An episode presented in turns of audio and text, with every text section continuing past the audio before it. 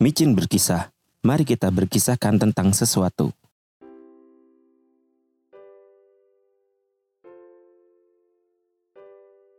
Diriku tak pantas jadi seorang penjaga cinta. Daripada menghias kata, lebih baik diam di sini. Diriku tak pantas jadi seorang penjaga cinta. Biarkan hati ini terus berdebar, cukuplah menjadi bunga yang mekar. Oke, kali ini aku akan membahas pertama kalinya malah atau makna lagu dari JKT48 yang berjudul Diriku tak pantas jadi seorang penjaga cinta atau Koiwo Kataru Shijin Narena Kute. Lagu ini merupakan original song dari SKI48 pada stage ketiga setlist teater yang berjudul Seifuku Naomi. Dan di lagu ini di aransemen oleh Shizuk dengan komposernya yaitu Shun Ryu. Lalu di JKT48 sendiri lagu ini rilis pada setlist yang sama yaitu adalah Seifuku no Mi atau Tunas di Balik Seragam dan dibawakan oleh JKT48 Kim T pada hari Minggu 1 September 2019 dan lagu ini merupakan lagu pembuka pada setlist tersebut. Oke, aku langsung aja pada poin pembahasan dari makna lagu Diriku Tak Pantas jadi seorang pujangga cinta. Oke, di lagu ini sebenarnya adalah sudut pandang dari seseorang yang mencintai, yang menyukai pujaan hatinya. Aku akan menganalogikan lagu ini adalah bercerita tentang sudut pandang dari aku sendiri.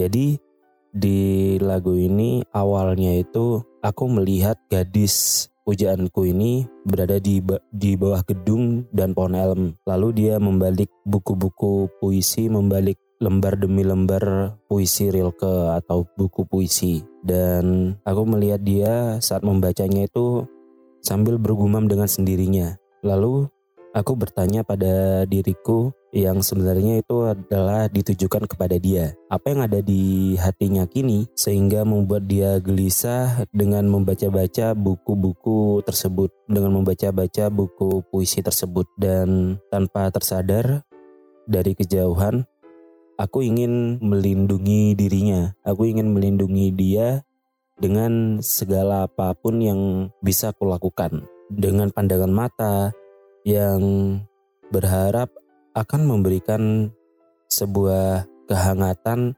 bagaikan hangatnya sang mentari, hangatnya terik matahari seperti itu. Dan selanjutnya aku bilang bahwasannya ya aku memang tak pantas menjadi seorang pujangga cinta daripada menghias kata ya lebih baik diam di sini karena memang aku tidak bisa menulis puisi, aku tidak bisa membaca puisi, aku tidak bisa bersyair, aku tidak bisa bersajak. Biarkanlah hati ini terus berdebar melihat dia yang menjadi sekuntum bunga yang akan mekar. Tuh sebenarnya aku bukan aku bukan penjaga cinta ya, tapi kenapa kok kata-kataku selalu berusaha menjadi berpuitis gitu, terlalu berlebihan begitu. Banyak diksi-diksi yang menjurus kepada majas hiperbola. Ya seperti di lagu ini simbolnya itu adalah gadis yang aku sukai. Nah seperti itu.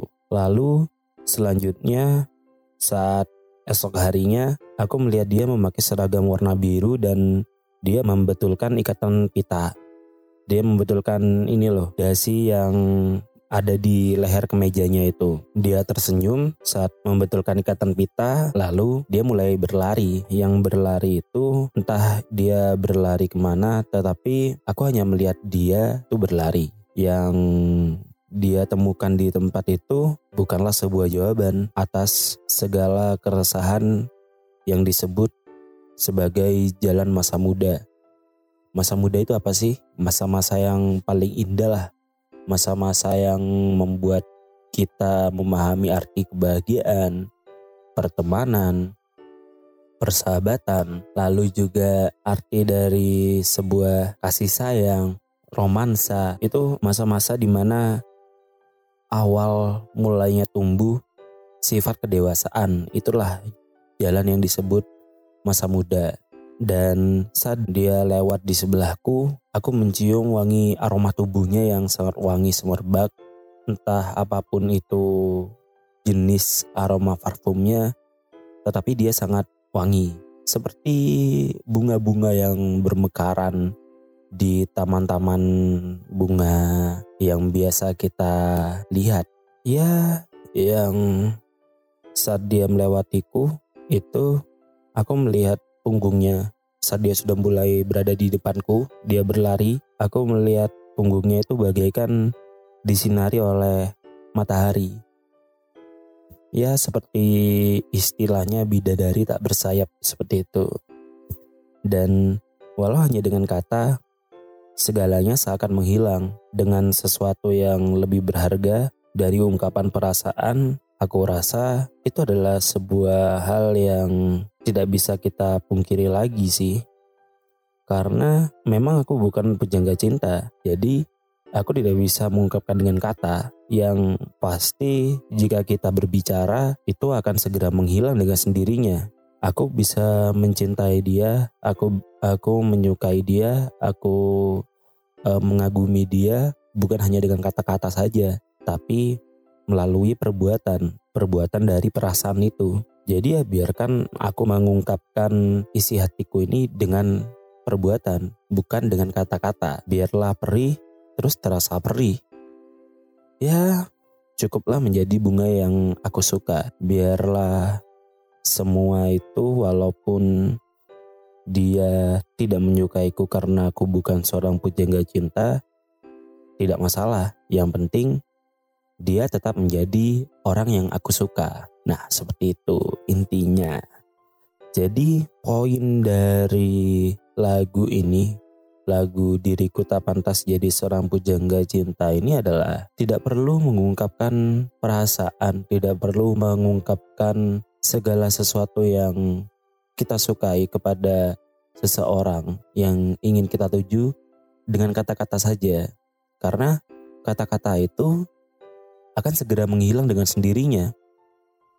Susah untuk diingat kalau dengan kata-kata. Lakukanlah dengan perbuatan kita susah untuk berbicara kepada seseorang dengan diksi-diksi yang terlalu berlebihan, terlalu indah. Ya, kita hanya bisa meng, wow, indah sekali, wow, bagus sekali kata-kata itu. Dan itu hanya sesaat. Jadi cintai orang yang kita kasihi itu bukan hanya dengan kata-kata saja. Tidak masalah lah cuma bilang aku cinta kamu, aku suka kamu.